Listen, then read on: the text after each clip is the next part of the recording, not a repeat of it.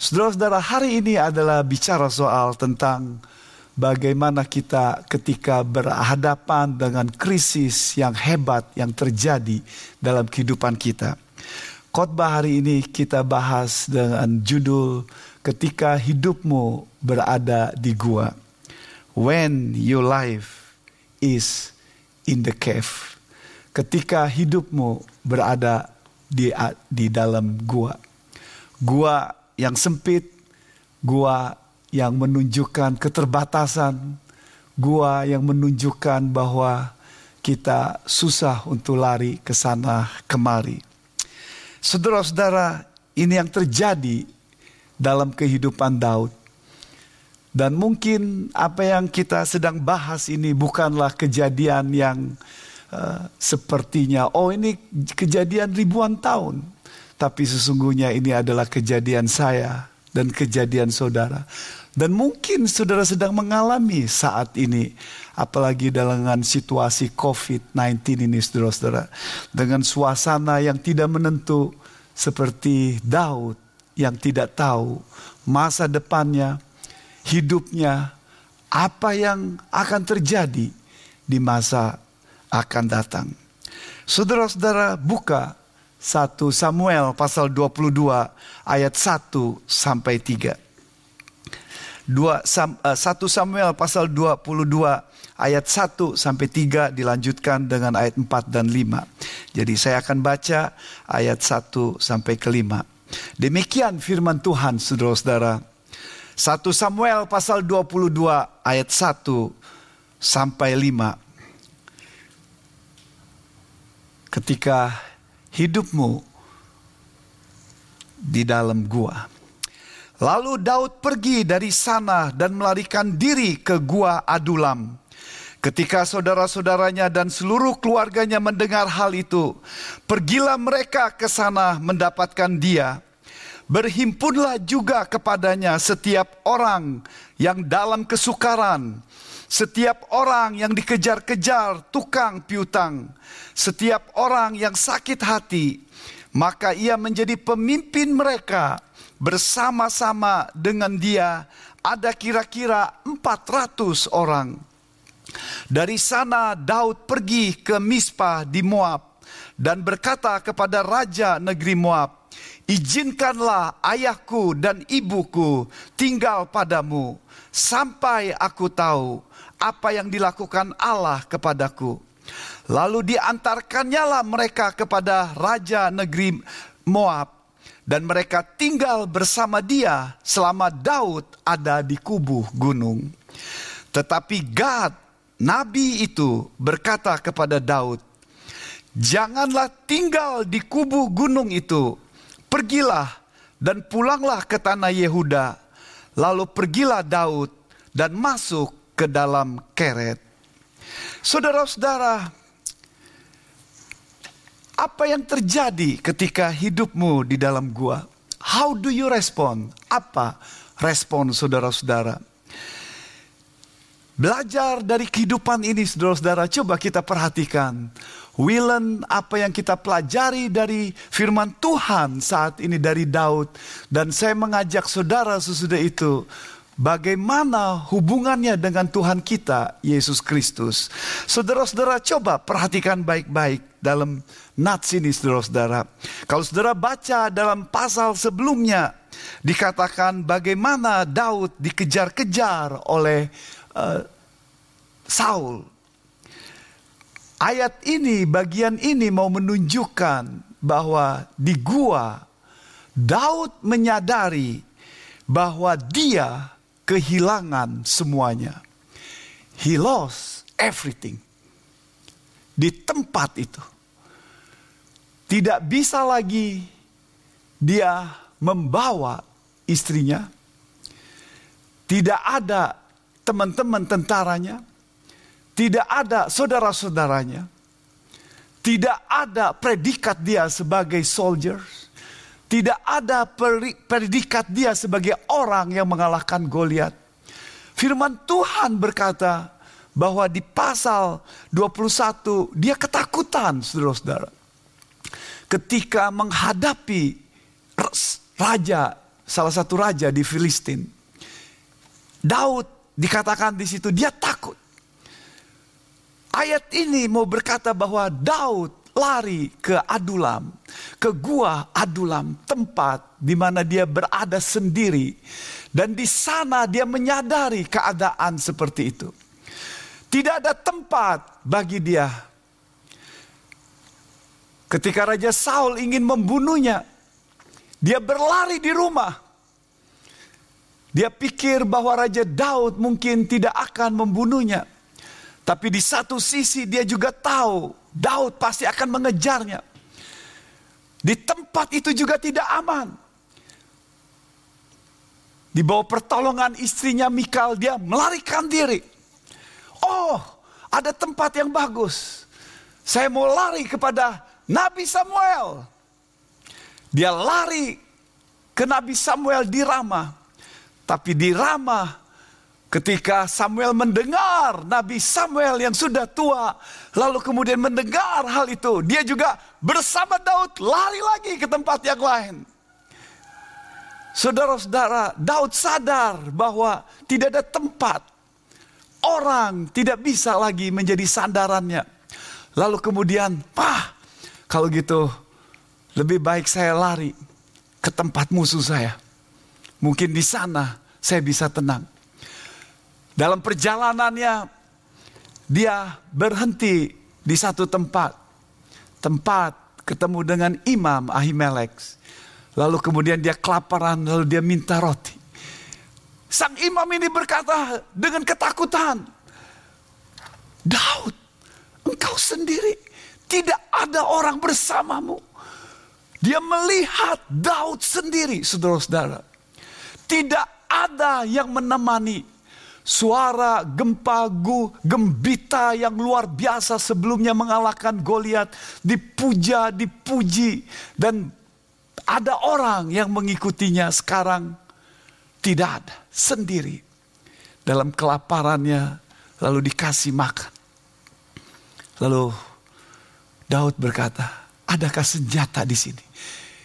Lalu sang imam, nggak ada senjata di sini.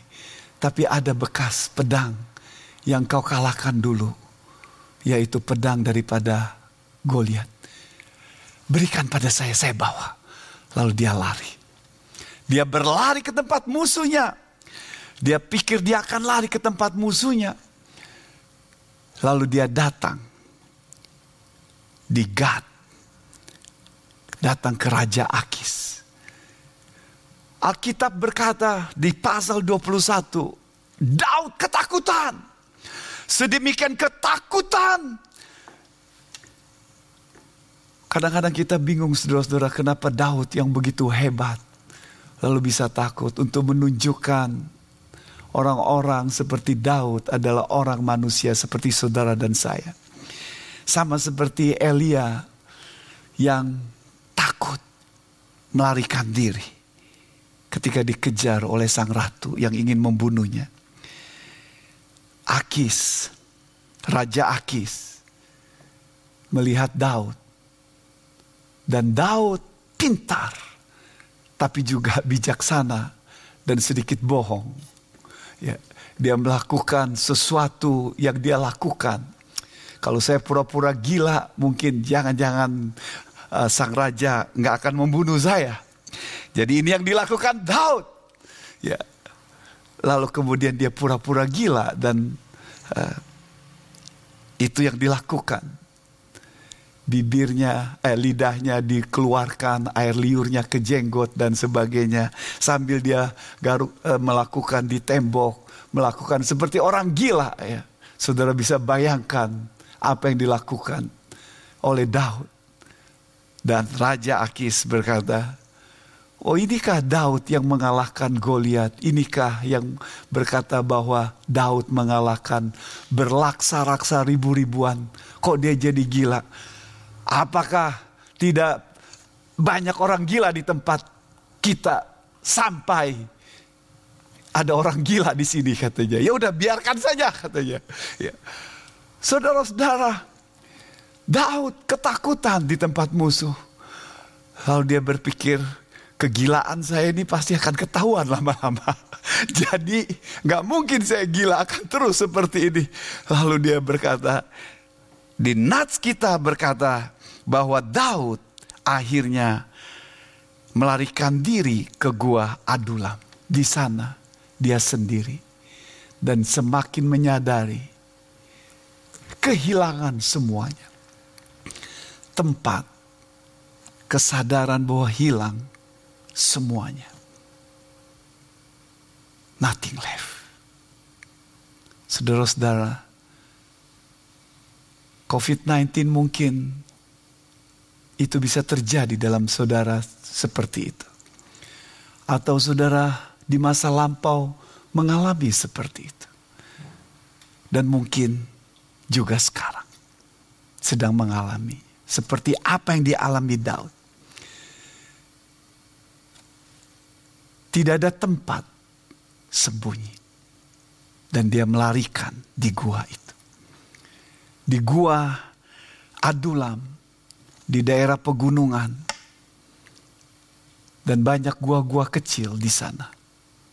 Dan Daud masuk salah satu di gua Adulam itu. Dan dia di sana. Dalam kesepian, kesendirian, frustrasi, lalu dia di sana. Tapi yang menarik adalah di sana dia mendapatkan kekuatan. Di sana dia mendapatkan Allah yang dia sembah. Di sana dia mendapatkan kenyamanan, ketenangan.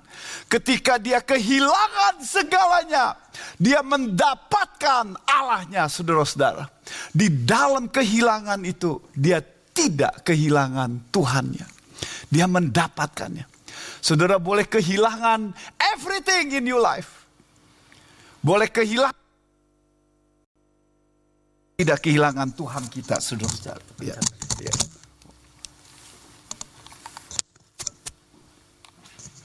Kembali ke topik kita, saudara-saudara. ya.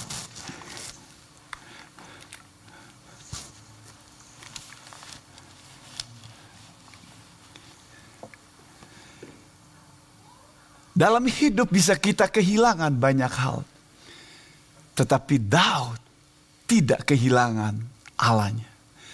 Saudara-saudara, di tempat itu dia bertemu secara pribadi dengan Tuhan. Yang sangat menarik saudara-saudara, Tuhan memakai tempat-tempat yang berbahaya, yang terkecil, yang sendiri dipakai Tuhan supaya orang yang bernaung kepadanya bisa ketemu secara pribadi. Di dunia yang sibuk, di dunia yang sedemikian menakutkan, kita perlu datang ke tempat seperti itu. Ketika kita sendiri bertemu secara pribadi dengan Tuhan. Saudara perhatikan, lihat dalam Alkitab Tuhan ingin mengubah Musa dari tempat yang enak, nyaman, keramaian dibawa ke padang gurun Midian. Di tempat dalam kesepian Tuhan berbicara di akhir tahun 40. Elia, nabi yang luar biasa sekali, mengalahkan ratusan orang orang dewa uh, uh, pengikut Baal, nabi-nabi Baal, nabi-nabi palsu. Muat mujizat luar biasa. Tapi dia kemudian jadi takut karena sang ratu ingin membunuhnya. Istri Ahab, Isabel, ingin membunuhnya. Dia melarikan diri. Saudara perhatikan, dia melarikan diri dibawa oleh Tuhan ke tempat yang sepi, sunyi. Dia berada di gua 40 hari dalam perjalanannya. Lalu kemudian dia masuk ke gua, tempat sendiri. Dan di tempat itu Tuhan berbicara. Indah bukan saudara-saudara? Yusuf bertemu dengan Tuhan lebih bagus ketika dia berada di prison, berada di penjara. Tuhan memakai gua, gua tempat mematikan. Bagi Daniel, gua itu tempat penyataan Tuhan. Tempat Tuhan menyatakan dirinya mujizatnya. Ketika singa ditutup mulutnya oleh Tuhan. Saudara-saudara lihat tempat-tempat yang dipakai oleh Tuhan ketika kita bertemu secara pribadi. Bahkan Yesus Kristus pun berada 40 hari di padang sendiri bersama di sana. Waktu bersama Tuhan. Itu yang dibutuhkan saudara-saudara. Daud di tengah situasi seperti itu, dia bertemu dengan Tuhannya. Bagaimana kita tahu hal seperti itu saudara-saudara? Bagaimana tahu nats kita kita tidak menyatakannya? Dari mana kita tahu? Daud bisa mendapatkan Tuhannya. Daud bisa mempunyai pengalaman bersama dengan Tuhan secara pribadi. Mazmur 142 ayat 2 dan 4 firman Tuhan berdemikian. Dengan nyaring aku berseru-seru kepada Tuhan. Dengan nyaring aku memohon kepada Tuhan. Aku mencurahkan keluhanku di, di hadapannya. Kesesakanku kuberitahukan ke hadapannya. Ketika semangatku lemah lesu di dalam diriku. Engkaulah yang mengetahui jalanku di jalan yang harus kutempuh. Dengan sembunyi mereka memasang jerat terhadap aku. Mazmur 142 ayat 2 dan 4. Tapi saudara baca ayat 1 di situ. Ketika Mazmur ini dibuat ketika Daud sedang berada di gua. Di gua Abdullah, Abdullah ini saudara-saudara. Dia membangun hubungannya secara Tuhan. Dia knowing God, mengetahui Tuhannya secara pribadi, bukan hanya sekedar knowing about God. Kalau kita ingin mengetahui sesuatu atau pribadi seseorang, kita membaca. Kita membaca tentang dia, lalu kemudian yang kedua, kita atau kita mempunyai hubungan pribadi dengan dia, dekat dengan dia, lalu kemudian kita belajar, lalu kemudian kasih waktu dengan dia dan membiarkan hidupnya itu contagious dengan hidup kita. Hal yang sama ketika knowing mengetahui tentang Tuhan, dua hal. Engkau bisa baca tentang Tuhan dari orang lain, mendengar khotbah, atau dari bacaan-bacaan tafsiran, bacaan-bacaan yang kita tahu melalui firman Tuhan. Tapi yang penting adalah bagaimana kita knowing God itu secara pribadi. Itu berarti kasih waktu sama dia. Itu berarti saudara duduk itu berarti saudara baca firmannya, merenungkan firmannya, saudara memikirkan tentang Tuhan, memikirkan kebesarannya, memikirkan tentang karakternya dan datang kepadanya secara pribadi. Dan itu yang dilakukan oleh Daud. Daud mengerti bahwa dalam pelariannya dia lari ke rumah, lari ke Samuel, lari ke imam, lari ke raja, lari ke tempat musuh, tapi di tempat itu juga bukan tempat yang bagus. Dia dia tahu dia harus sendiri berhadapan dengan Tuhan. Dia berada di gua Adulam, tempat yang di mana tenang di gunung-gunung, bukan gunung-gunung itu yang kokoh, bukan tempat gua itu yang kokoh, tetapi di sana ada Tuhan, bertemu dengan Tuhan yang membuat dia kokoh, membuat dia tenang, membuat dia nyaman karena di sana seperti pemazmur berkata yang dibuat oleh Daud Mazmur 142 ayat 2 dan 4. Dengan nyaring aku berseru kepada Tuhan. Aku memohon kepada Tuhan. menceruk, mencurahkan keluhanku di hadapannya. Kesesakan, air mata, frustrasi. Dikasih tahu kepada Tuhan. Lalu dikasih tahu semangatku mulai letih, lesu. Dan engkau mengetahuinya. Engkau menguatkan. Kalau saudara baca Mazmur 142 selanjutnya engkau akan melihat God yang disembah oleh Daud itu mengangkatnya. Menguatkannya, menghiburnya. Tempat Daud di gua kokoh bukan karena gua tempat yang jauh di daerah pegunungan, tempat yang bagus untuk perlindungan, tapi karena di sana ada Tuhan.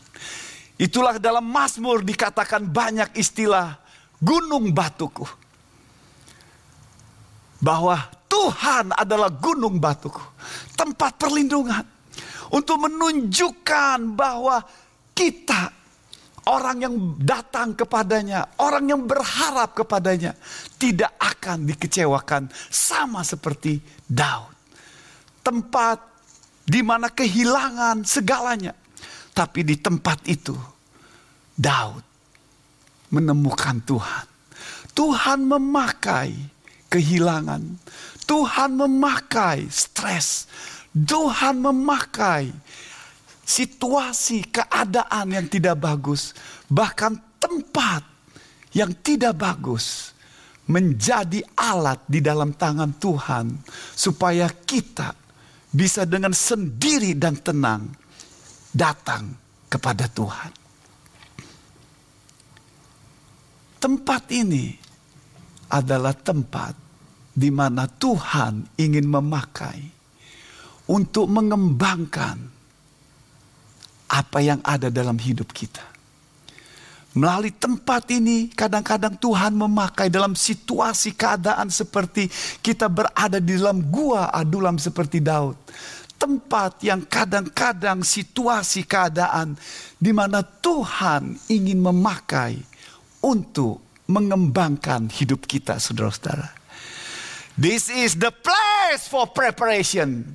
This is the place for training. Ini adalah tempat untuk latihan, tempat untuk persiapan. Dikembangkan kapasitas yang ada dalam hidup kita. Lihat saudara-saudara, bagaimana tempat itu dipakai oleh Tuhan untuk mengembangkan dalam kehidupan Daud. Dikatakan di situ ayat 2. Selanjutnya dikatakan, berhimpunlah juga kepadanya setiap orang dalam kesukaran, setiap orang yang dikejar-kejar tukang piutang, setiap orang yang sakit hati, maka ia menjadi pemimpin mereka. Bersama-sama dengan dia ada kira-kira 400 orang. Waktu baca seperti ini saudara-saudara, saudara kadang-kadang bingung nggak? Ini Daud lagi susah, Daud lagi bergumul, Daud lagi ada masalah, kesendirian. Tapi didatangkan dalam bahasa Inggris orang yang 3D. Apa 3D itu?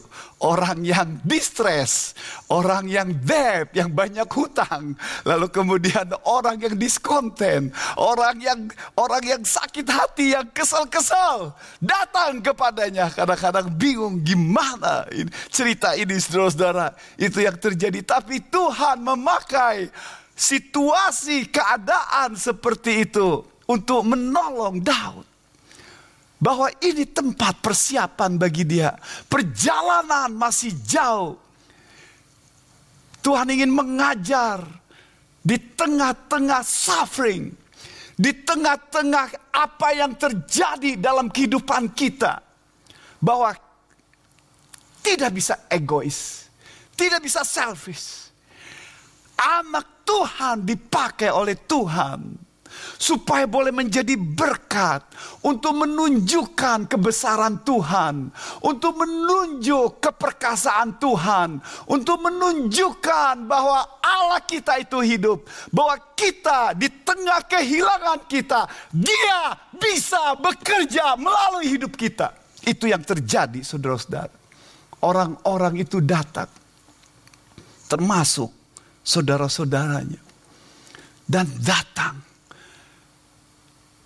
dan Daud dikatakan menjadi pemimpin mereka. He learned to be a leader di tengah situasi itu. Di suasana kejepit. Kapasitasnya makin besar. Di tengah hempitan. Hebat gak saudara-saudara? Tuhan ingin memakai itu. Daud tidak self pity. Daud tidak merasa kasihan dirinya sendiri. Dia tidak menyerah. Dia tidak takut. Dia tidak komplain. Dia tidak menggerutu. Ah, kenapa kau datang lagi? Saya juga sudah susah. Saya juga sudah bergumul. Aduh, datang lagi. Orang datang lagi. Tuhan ingin memakai di tengah-tengah krisis, di tengah-tengah suffering kita. Dia menghibur kita supaya bisa menghibur orang lain. Kekuatan yang didapat oleh kita, oleh Daud, supaya Daud menjadi berkat bagi yang lainnya. Hidup tidak didesain untuk selfish, untuk egois. No. Indah sekali saudara-saudara dan dia persiapkan. Dalam Tawari dikatakan, bagaimana 400 orang ini, orang-orang yang penuh hutang, orang-orang yang penuh dengan sakit hati, kekesalan, orang-orang yang lagi susah, diubah oleh Tuhan melalui Daud menjadi orang-orang perkasa teman-teman Daud. Indah saudara-saudara. Tempat pelarian. Bukan karena Daud. Tapi karena Tuhannya Daud. Yang menjama Daud. Dan Daud boleh menolong mereka. Saudara-saudara, coba perhatikan nats kita baik-baik. Di tengah situasi seperti itu, Daud juga dikatakan tidak kehilangan belas kasihan penghargaan pada orang tua. Itu yang indah, saudara-saudara. Kadang-kadang di suasana kejepit, selfish, kita menjadi selfish dan lupa pada orang tua. Tapi Alkitab berkata, Daud ingat orang tuanya Lalu dikatakan di situ dalam ayat 4, Daud pergi ke Mispa di Moab dan berkata kepada raja negeri Moab, kenapa ke Moab saudara-saudara? Karena nenek moyangnya Ruth itu dari Moab. Ya, Ruth kita dari Surabaya saudara-saudara ya.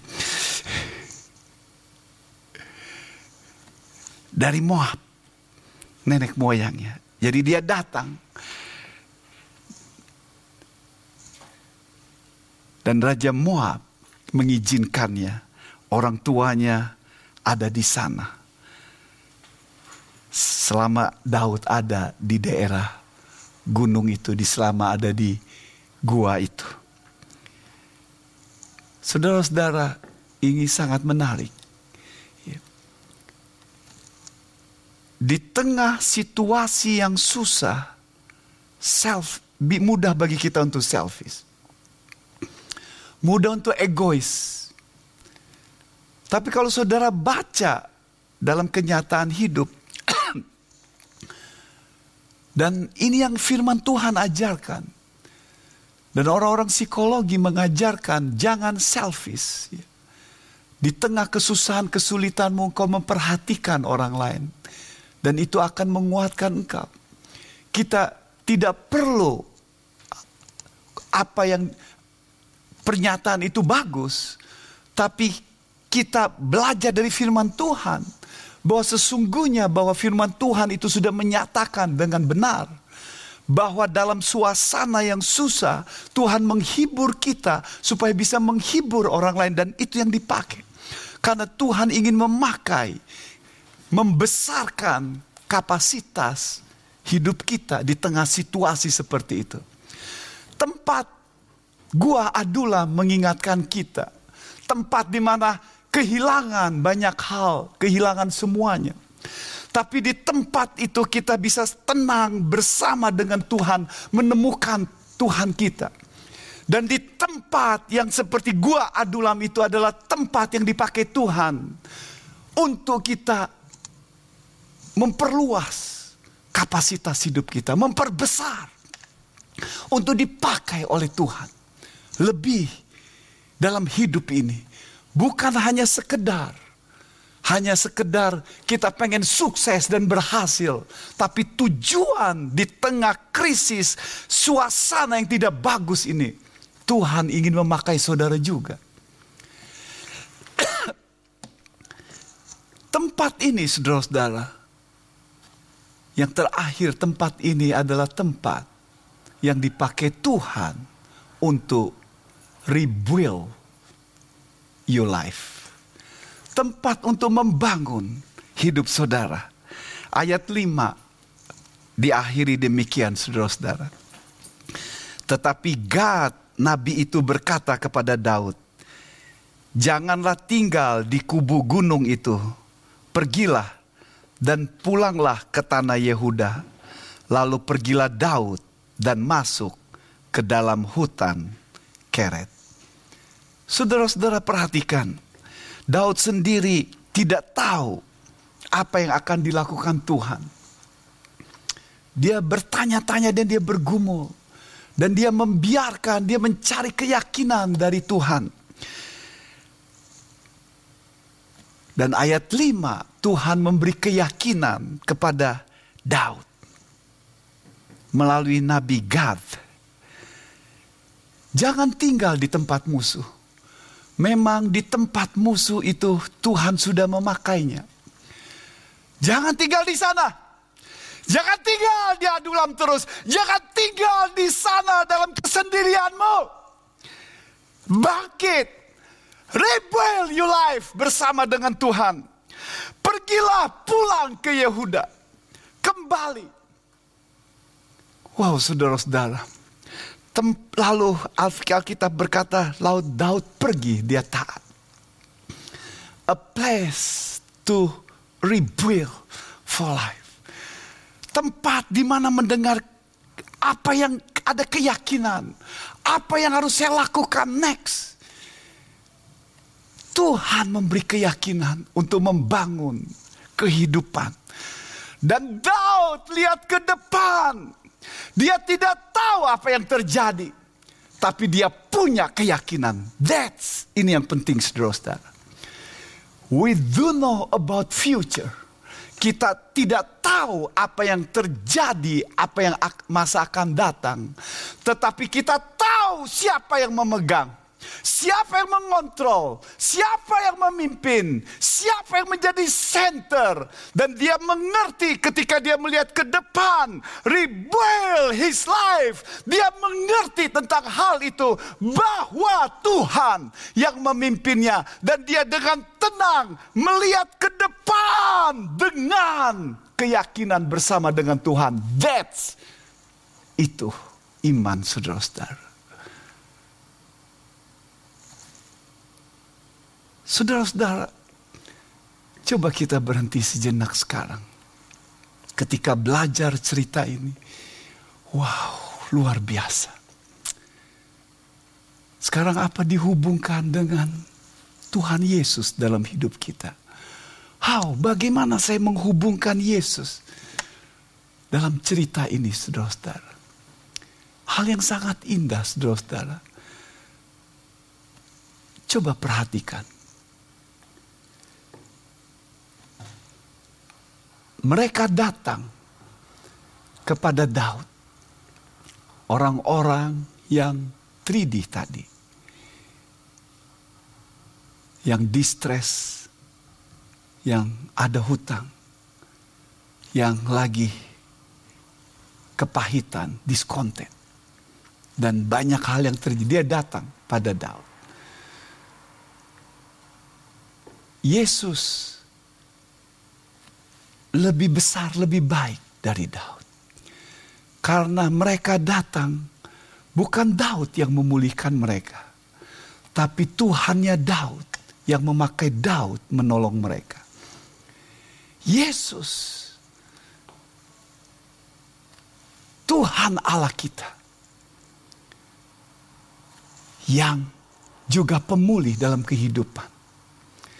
Allah pemulih dan Yesus pemulih kehidupan kita.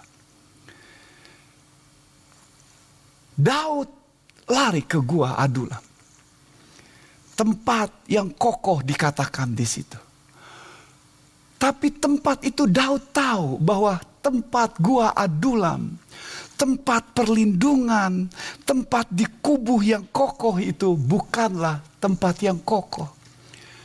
Gua itu kokoh karena di sana ada Tuhan. Di sana dia bertemu dengan Tuhan. Alkitab berkata bahwa Tuhan adalah Allah perlindungan kita. Tempat di mana kita bisa berlari. Tadi worship leader kita membacakan Matius 11 ayat 28. Ayat yang bagus. Dan itu yang dikatakan. Matius 11 ayat 28. Marilah yang letih dan lesu yang berban berat. Bahwa Yesus memanggil kita yang letih, berbeban berat, yang capek, yang frustrasi, yang kehilangan arah, yang lagi bingung datang kepadaku. Aku akan memberi kelegaan. Dialah pemulih kehidupan untuk menunjukkan bahwa Yesus sama dengan Allah. Allah pemulih, Yesus pemulih. Allah penghibur kekuatan, Yesus penghibur kekuatan. Matius 12 ayat 20 yang dikutip dari Yesaya dikatakan di situ bulu yang terkulai tidak akan dipatahkannya. Api yang mulai padam, sumbu yang mulai padam tidak akan dimatikannya. Untuk menunjukkan tentang Yesus Kristus yang mengerti orang-orang di mana bisa berharap kepadanya, yang letih, yang lesu, yang berbeban berat, yang kehilangan banyak hal datang kepadanya. Sama seperti Allah yang disembah oleh Daud yang pemulih kekuatan. Yesus memberikan satu penghiburan bagi kita. Yesus lebih daripada Daud. Lebih baik daripada Daud karena Daud bukan orang yang memulihkan. Tapi Daud dipakai oleh Tuhan. Daud, Yesus lebih bagus daripada gunung batu. Karena itu dipakai oleh Tuhan. Dan Yesus pemelihara jiwa kita. Pemulih dalam kehidupan kita. Dan kita bisa tenang dalam kehidupan seperti itu. Yohanes 6 ayat 37. Barang siapa datang kepadaku tidak akan kubuang. Di tengah suasana yang susah dan sulit dan penuh penganiayaan dan stres. Petrus memberikan penghiburan pada jemaat yang lagi suasana lagi penuh dengan pergumulan itu. Untuk menyerahkan hidupnya kepada Yesus sang pemelihara jiwa. Yang akan menolong, menopang. Karena dia pernah mengalami hal yang sama. Saudara-saudara perhatikan dalam nats kita bahwa Tuhan kita Yesus Kristus adalah Tuhan yang sanggup memulihkan hidupmu. Syaratnya adalah ketika ye simple, sederhana. Barang siapa datang kepadaku, datang kepadanya. Saudara datang kepadanya yang letih, lesu, berbeban berat. Yang sumbunya mulai padam, redup. Yang bulu kehidupannya mulai patah, terkulai. Tidak sanggup lagi untuk berdiri Kam datang. Mulai kehilangan semuanya. Datang kepadanya. Dengan hati yang remuk, yang hancur, frustrasi. Dengan keberadaanmu. Datang kepada Yesus Kristus. Tuhan dan Juru Selamat kita. Yang sudah mati di kayu salib. Dan bangkit. Dia mengerti pergumulan kita. Dia mengerti air mata kita. Dan untuk datang saudara tidak bisa diwakili. Saudara tidak bisa diwakili oleh suamimu, oleh istrimu, oleh teman-temanmu, oleh orang tuamu, oleh anak-anakmu. Saudara harus datang secara pribadi sendiri di hadapan Tuhan dan datang dan menyadari keadaan saudara. I'm letih lesu, saya letih lesu, saya lemah. Saya frustrasi. Saya kehilangan semuanya. Kasih tahu hati. Dan Tuhan, firman Tuhan berkata, Aku akan memberi kelegaan padamu. Ini janji daripada Allah yang hidup Tuhan kita Yesus Kristus. Yang bangkit dari antara orang mati. Yang berkuasa, yang hebat. Pemelihara jiwa kita. Dia akan memulihkan hidupmu memberikan ketenangan. Datang kepadanya. Bagi saudara yang mendengar ini yang belum punya hubungan pribadi secara Yesus Kristus. Dalam kehilangan saudara. Saudara mungkin karena sebab akibat saudara. Atau mungkin karena apa yang saudara lakukan.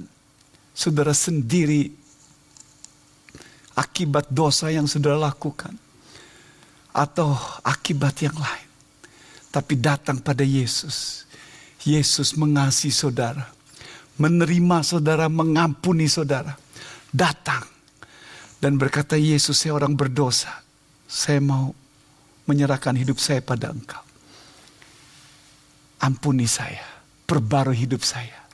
Yesus memulihkan hidupmu. Dia sanggup Firman Tuhan berkata, bagi kita anak-anak Tuhan yang saat ini di tengah COVID-19, come, datang pada dia. Have faith.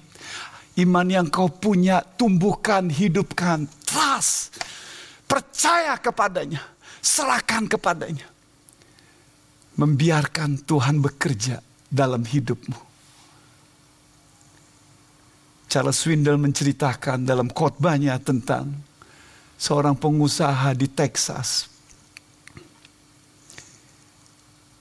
yang dia kenal pengusaha yang punya perkebunan, yang punya tempat eh, banyak sekali untuk uh, kerbau apa itu namanya kau kebo-kebo ya sapi-sapinya yang banyak dalam tempat yang cukup besar. Dibangun dari awal hingga lama-lama jadi besar dan berkecukupan. Anak Tuhan, cinta sama Tuhan, melayani Tuhan dengan apa yang mereka punya. Tahun 2011, Texas kebakaran. Kebakaran termasuk tempat dia. Di tengah-tengah kebakaran itu dia tahu dia harus pergi. Mereka cepat-cepat bawa apa yang mereka bisa bawa lalu dia buka tempat pelihat tempat kandang sapinya supaya semua dibuka supaya bisa melarikan diri. Lalu mereka pergi naik mobil. Dalam perjalanan mereka pergi ke tempat lain. Dan singkat cerita, Tempat itu tidak boleh didatangi. Karena kebakaran hutan yang luas. Yang begitu besar sekali. Dalam suasana mereka mau menyerahkan pada Tuhan. Berapa hari diizinkan boleh datang. Dan mereka datang sekeluarga. Ketika mereka datang, lihat rumah habis. Lihat kandang habis. Dan termasuk binatang semua mati. Semua meleleh. Melted. Habis. Yang ada tinggal puing-puing debu. Lost everything. Dan dalam situasi seperti itu, dia bersaksi bagaimana responnya dua. Satu, bisa menjadi bitterness, bisa jadi kesal, bisa jadi marah, bisa menjadi menjauh, bisa menjadi lupa sama Tuhan. Atau dia datang kepada Tuhan dan menyerahkan semua kepada Tuhan dan have dan percaya sama Tuhan dan membangun hidup kembali rebuild hidupnya bersama dengan Tuhan Yesus yang dia cintai, yang dia sembah, yang dia layani selama ini. Hanya ada dua option. Dan teman ini, pengusaha ini memilih option yang terakhir. Memilih untuk datang kepada Tuhan. Rebuild his life. Bersama-sama lagi, mulai dari nol lagi. Saudara-saudara saat ini ketika kau mendengar khotbah ini. Engkau mungkin kehilangan segala hal. Mungkin kehilangan relasi saudara mungkin tidak bagus. Mungkin saudara sedang tidak berhasil dalam relasi. Mungkin saudara bisnis saudara ada masalah. Mungkin uang saudara sudah habis. Kesehatan saudara ada masalah. Tapi ingat saat ini. Have faith in Jesus Christ. Beriman, berharap pada Yesus Kristus. Yang Tuhan Juru Selamat kita. Pemulih, pemelihara yang sanggup untuk memelihara jiwamu. Dan dia menguatkanmu membangun hidupmu. Mari kita berdoa bersama-sama.